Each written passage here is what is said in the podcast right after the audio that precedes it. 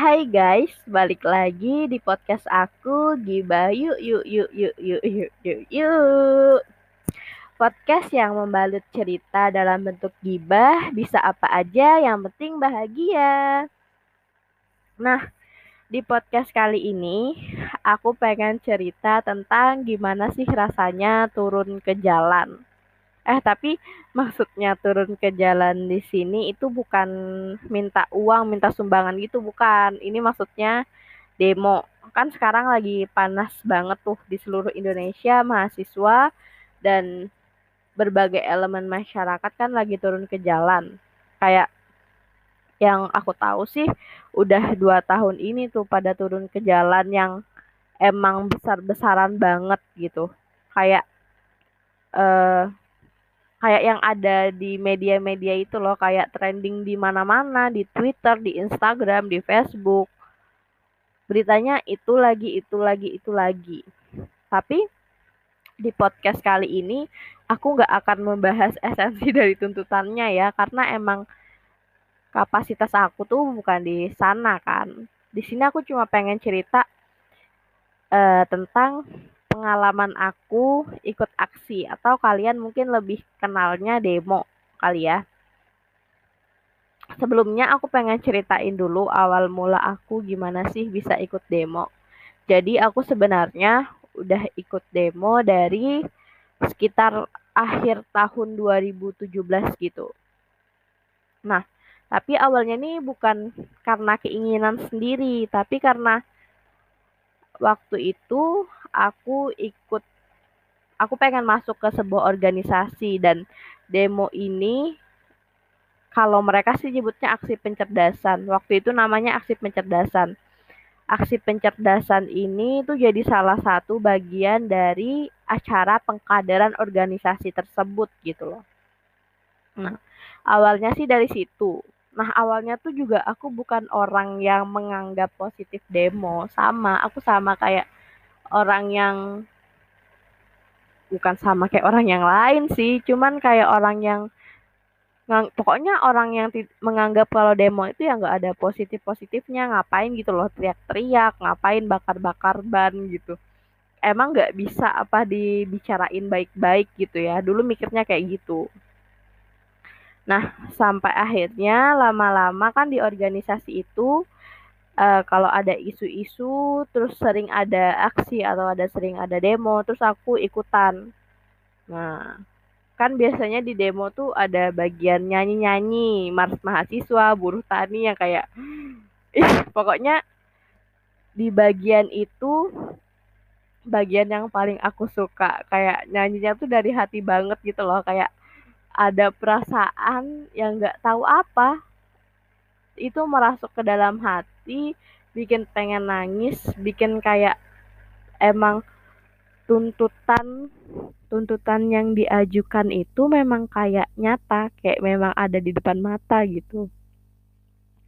Nah tapi beberapa demo yang aku ikutin itu cuman demo-demo kecil uh, itu sekitar apa sekitar tahun 2018 tahun 2019 itu masih demo-demo kecil masih kayak yang aman-aman gitu. Dan nggak nggak ada rusuh-rusuhnya paling banter sih cuman bakar ban bakar-bakar ban gitu sama orasi-orasi gitu doang. Sampai akhirnya kan akhir tahun 2019 ya kalau nggak salah itu ada yang ada isu yang happening banget tuh tahun lalu bahkan sampai sekarang sih. Nah di situ aku ikut demo lagi. Di itu kan demonya di serentak ya demo serentak di berbagai daerah. Nah di daerahku tuh juga mahasiswa dari berbagai universitas itu juga ngadain demo gitu. Nah di demo itu tuh dibagi jadi beberapa bagian. Cuman aku kayaknya pas demo itu nggak ikut, ya nggak ikut nggak ikut yang jilid satu. Aku ikut jilid dua apa jilid berapa gitu. Jilid dua deh kalau nggak salah. Hmm. Nah jadi itu nih demo yang ini nih yang pengen aku ceritakan karena kalau aku ceritakan demo-demo yang sebelumnya itu ibaratnya cuma menggelitik doang nggak kayak demo yang ini gitu. Nah jadi di demo ini kalau biasanya kalau demo-demo yang sebelumnya aku biasa jalan sama teman-teman yang di organisasi. Nggak tahu kenapa di demo yang ini aku jalannya bareng teman-teman kampus. Eh apa ya? Teman-teman kelas teman-teman di kelas gitu.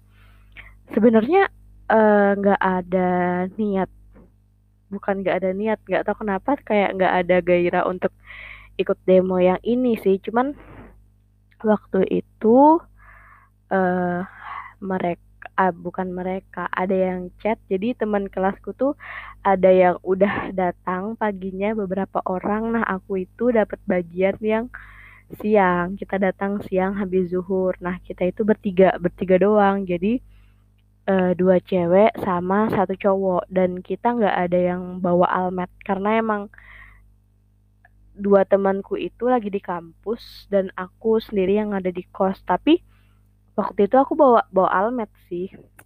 Dan almet aku itu kalau nggak salah dipakai sama temanku yang cowok deh kalau nggak salah. Nah pas kita datang kan kita kan datang siang tuh itu tuh suasananya tuh masih bisa dikondisikan, masih aman, masih pada ketawa-ketawa, masih pada nyanyi-nyanyi gitu. Uh, sampai akhirnya kita berusaha untuk merengsek, merengsek, berusaha untuk maju, maju, maju, maju ke tengah. Nah, kita maju ke tengah kan eh di situ tuh orang-orang pada pakai odol. Ya kan? Kalian kalau kalian yang suka nonton TikTok TikTok orang demo pasti nggak asing lihat orang-orang demo pada pakai odol. Itu kita juga waktu itu kita juga nggak tahu kenapa pakai odol. Uh, jadi kita kita emang jangankan odol ya almet aja nggak bawa. Jadi demo itu memang nggak ada persiapan sama sekali. Nah di situ tuh masih masih seru-serunya gitu loh. Jadi terus terus ada satu kejadian yang lucu banget aku sampai sekarang kalau ingat ini kayak ketawa nggak berhenti berhenti gitu loh. Aduh aku nggak tahu sih menurut kalian lucu apa enggak tapi menurut aku ini lucu banget. Jadi kita kan di tengah-tengah tuh terus ada anak dari universitas mana gitu pokoknya bukan universitasku dia itu bawa bawa odol. Bawa odol terus kan orang biasanya ditaruhnya di bawah mata ya. Nah dia itu pakai odolnya satu muka. Jadi kayak hmm, kayak pakai masker kecantikan gitu loh. Terus odolnya itu odol yang warna hijau. Nggak boleh nyebut merek karena nggak di endorse odol yang warna hijau itu kan lebih pedes ya daripada odol yang lainnya. Nah dia tuh pakai itu dan itu kita masih bisa ketawa-ketawa, masih kayak senang-senang gitu loh. nah terus uh, kalau udah demo gitu ya, itu tuh kayak semuanya tuh bersaudara gitu, kerasa banget persaudaraannya. Nanti rasa persaudaraannya ini aku bahas di episode lain ya ada kepanjangan kalau dibahas di sini. Nah, kita juga dikasih odol sama sama peserta demo yang lain kan. Terus kita pakai di bawah mata. Itu emang sih awalnya tuh pedes banget. Pedes banget sih rasanya pakai odol gitu. Ya kalau kalian nggak percaya, kalian cobain aja deh di rumah. Nah, udah pakai odol kan, aku nggak tahu berapa menit gitu terus yang di depan yang paling barisan paling depan itu disiram air pakai yang tank air gede itu. Apa sih namanya? Water cannon. Ya water cannon deh kayaknya. Disiram kayak pakai eh, disiram disiram pakai itu kan. Terus uh, pada uh, mundur dikit mundur dikit sampai akhirnya suasana kondusif lagi. Terus maju lagi. Nah maju lagi. Terus kita kan pas orang-orang mundur kita mundur juga ya. Terus pas orang-orang maju kita maju juga. Tapi nggak eh, nggak yang maju-maju banget. Masih kayak di tengah belakang tengah cenderung ke belakang gitu. Tapi temen aku yang satu ini kan cowok. Mungkin naluri cowoknya yang kayak nggak tahu sih naluri cowok yang kayak mana ya. Tapi dia itu maju-maju ke depan tapi nggak yang depan jauh-jauh. Nah terus aku sama temenku itu temenku yang cewek satunya itu kita mundur ke belakang. Itu aku sih yang minta. Aku ingat banget yang minta karena pengen cari tempat biar bisa duduk dan biar bisa neduh. Emang aku lemah. Tapi itu aku udah keliengan banget coy. Karena panas dan kayaknya waktu itu kalau nggak salah aku belum makan deh. Nah itu udah kepisah kan sama temenku yang cowok tapi uh, ibaratnya kalau kita masih mau nyari nyari bentar itu udah ketemu. Nggak nggak yang kepisah jauh gitu. Nah terus uh, kita aku eh kita aku maaf ya ceritanya belepotan. Sambil ngingat-ngingat nih soalnya. Aku baru mau minta beliin minuman. Baru mau bilang eh beliin minuman dong. Itu baru mau ngomong itu belum sempat keomong. Eh tiba-tiba ada gas air mata dilempar di depan kita. Panik dong ya yang biasanya ikut demo. Cuma uh, cuma bakar ban cuma orasi-orasi doang harus harus ada di posisi demo yang kayak gitu. Panik dong. Terus di belakang kita itu ada rumah kosong dan kalau nggak salah inget ada yang teriak sini sini cewek-cewek sama tim medis sama yang sakit ke sini. Jadi di rumah kosong itu memang isinya cewek-cewek tim medis sama uh, sama orang sakit kan. Nah awal-awalnya tuh masih aman sih. Kita malah masih bisa ngehubungin temen yang cowok itu. Jadi uh, ternyata temen yang cowok itu ada di rumah sebelah. Dia manjat pagar. Nah nggak beberapa lama kita duduk di situ. Lumayan lah bisa duduk berapa menit gitu. Nggak berapa lama kita duduk eh ternyata di depan kita juga dilemparin gas air mata. Jadi as gas air matanya itu dari atas dari atap itu turun ke bawah. Gitu loh terus kita ke belakang di belakang itu ada WC WC-nya sempit banget kalian tau lah ukuran WC kayak mana ya. Kita masuk ke dalam WC itu itu yang masuk pertama kali itu aku cowok satu cowok aku sama temanku. Kita paling belakang terus yang lain pada maksa masuk terus kita kegencet gitu. Akhirnya ternyata ada gas air mata lagi di depan WC itu. Kita keluar dong. Kita keluar kita masuk ke rumah lagi. Terus di rumah itu suasananya sudah nggak kondusif lagi. Kita nggak tahu sih kenapa nggak keluar rumah ya nggak berani. Nggak berani sih itu keluar rumah. Maksudnya keluar keluar lewat pintu depan. Kita keluar ke pintu samping. Kirain di belakang itu ada ada ada jalan. Eh ternyata di belakang itu tembok. Jadi rumahnya itu di belakangnya itu dikelilingin tembok gitu.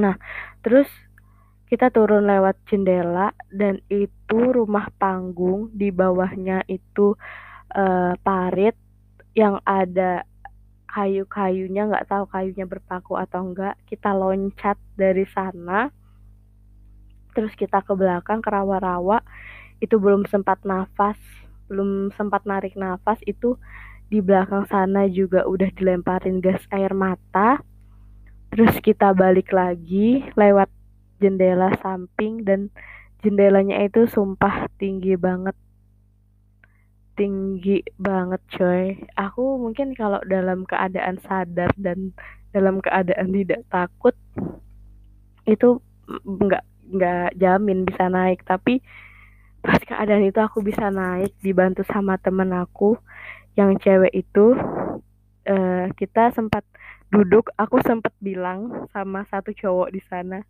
mas kita di sini aman kan? Iya mbak aman yakin itu aku belum sempat teriak. Eh sebelum masnya belum sempat jawab yakin atau enggak. Tiba-tiba ada yang teriak kebakaran kebakaran kebakaran. Wih aku sudah panik. Panik sepanik paniknya aku berpikir di dalam hati ini dramatis banget sih. Aku mikir kayak itu hari terakhir aku hidup di dunia. Terus aku mikir kayak mana nih? Kalau orang tua aku tahu gitu aduh aku lemah banget. Cuma kayak gitu doang. Uh, panik kan terus tapi di depan itu ada yang bilang keluar keluar keluar. Nah ternyata masih bisa keluar alhamdulillah. Pas kita keluar uh, kita ditolongin sama mas-mas di sana. Tapi sumpah kalau kalian ngelihat uh, yang uwu-uwu di TikTok itu emang nanti deh nanti ya. Nanti di episode uh, selanjutnya aku bakal ceritain kayak mana uh, kekeluargaan kayak mana gitulah pokoknya kayak mana apa ya uh, sikap-sikap orang-orang di demo gitu. Nah terus kita balikan kita naik ke jadi itu kayak uh, ada simpang satu dua tiga nggak tahu simpang lima pas simpang mm, simpang lima deh kayaknya. Simpang lima terus naik ke gunung kita naik di gunung karena di situ cukup aman kan. Terus kita sambil hubungin teman kita yang cowok terus kita ketemu sama teman kita yang cowok. Hmm, udah tuh. Kita pengen balik. Nah salahnya kita itu salahnya kita itu kita naruh motor di dekat kerusuhan. Jadi di di gedung DP gedung DP DP itulah gedung DP itu di sampingnya ada gang. Nah kita naruh motor di gang sedangkan orang kan naruh motor jauh-jauh ya nggak nggak di dekat itu. Nah kita tuh tepat gang samping di sana jadi di sana tuh kerusuhan. Kita bingung pengennya ngambil motor kayak apa. Akhirnya kita eh, kita turun gunung terus kita ke suatu tempat gitu ya. Tempatnya sudah lumayan aman sih dibanding dibanding tempat kerusuhan itu. Kita mikir gimana caranya bisa ngambil motor terus kita korbanin teman kita cowok itu untuk ngeliat situasi. Aku jahat banget sih ini sumpah. Tolong temanku yang cowok itu maafkan aku pernah pernah ngorbanin kamu. Nah, dia ke sana ternyata suasana memang belum kondusif. Em, terus kalau nggak salah jalanan di sana itu diamankan sama pemuda-pemuda di sana kan takut daerahnya kena juga. Nah, untungnya, untungnya ada temen kita satu cowok lagi yang PKL di dekat tempat demo untungnya. Jadi terus kita telepon dia terus dia datang terus dia temenin temen cowok aku ngambil motor karena motornya ada dua. Terus udah mereka ambil ternyata nggak tahu kenapa mereka pakai jampi-jampi apa gitu motornya bisa diambil aja. Nah akhirnya kita bisa pulang dengan selamat. Tapi itu sumpah baju udah kayak gembel udah kayak kotor gitu ya bayangin aja ya masuk-masuk parit eh masuk-masuk parit gimana nggak kotor gitu. Alhamdulillah itu kita kita langsung mutusin buat balik karena memang sudah keadaan sudah tidak bisa terselamatkan lagi memang sudah ricuh banget gitu. Nah kita balik terus dengan percaya percaya dirinya kita balik itu masih sempat mampir ke warung soto. Nggak ngerti lagi deh itu orang habis demo baju kotor kayak apaan aja masih sempat ke warung soto. Terus kita sempat makan soto. Terus ternyata ada aku nggak ngerti sih ada aku punya temen gitu dia buat story. Katanya dia ada di salah jadi di sana ada ada gedung kan ada beberapa gedung. Nah, um, beberapa peserta aksi itu banyak yang berlindung di gedung dan aku nggak tahu kenapa mereka berlindung di gedung sampai malam. Nah katanya pas malam itu udah uh, apa ya kayak dikepung gitu loh dah nggak ngerti pokoknya aku itu aku nggak sempat cari info lebih lanjut tapi alhamdulillah nggak ada korban jiwa sih waktu itu selesai deh. Nah itu aja sih pengalaman cerita demo aku. Mungkin aku nggak tahu. Mungkin ceritanya nggak seberapa uh, banyak teman-teman yang ceritanya lebih lebih heroik lagi, lebih dramatis lagi, lebih pokoknya lebih-lebih dari ceritaku. Cuman ya itu cerita aku sebagai orang awam, orang yang ikut demo ecek-ecek biasanya uh, terus dihadapkan sama demo yang segitunya. Segitunya. Demo yang kayak gitu gitu loh. Oke. Okay uh, itu aja mungkin podcast dari aku. Ini kayaknya sudah terlalu panjang. Sekian, sampai jumpa di podcast selanjutnya. Bye bye. Dadah.